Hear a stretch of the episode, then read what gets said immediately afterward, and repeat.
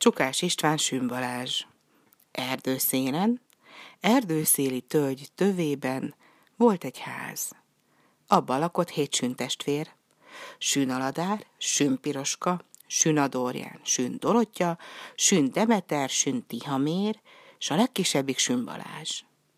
Hogyha jól bevacsoráztak, szűk lett nékik az a ház, és előfordult ilyenkor, hogy kívül rekedt Sün Balázs. Furakodott, nyomakodott, morgott, perelt dühöngve, semmit se ért. Mit tehetett? Lefeküdt a küszöbre. Telt az idő, múlt az idő. Ére éj és napra nap. Egyre többször fordult elő, hogy a házból a legkisebb kimaradt. Ebből elég, torkig vagyok, kiáltott fel Balázs. Sokan vagyunk, s kicsinékünk ez a ház. Éppen ezért én elmegyek. Szervusz néktek hat testvér, Sünaladás, Sünpiroska, Sünadorján, Sün Dorottya, Demeter és Tihamér. Miután így elbúcsúzott, fogta magát, elindult. Lábanyomán borzott a vén gyalogút. Így baktatott, így poroszkált, szomszédtől így meg sem állt.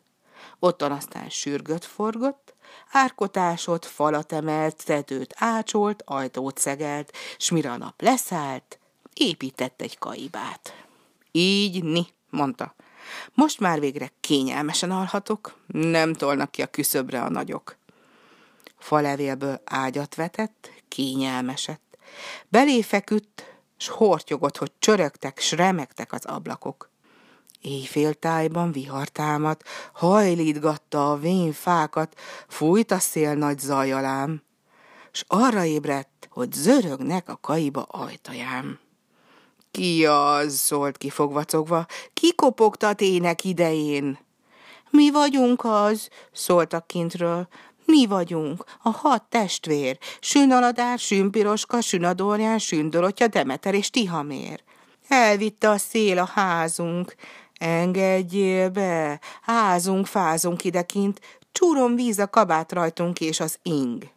Jól van, jól van, szólt Sűn Balázs, jövök már, s fordult a kulcs, nyílt az ár. Betódultak, mind a hatam, tele lett a kaiba. Kérdezte is Sünti Hamér, mondd csak testvér, nincs csak ez az egy szoba?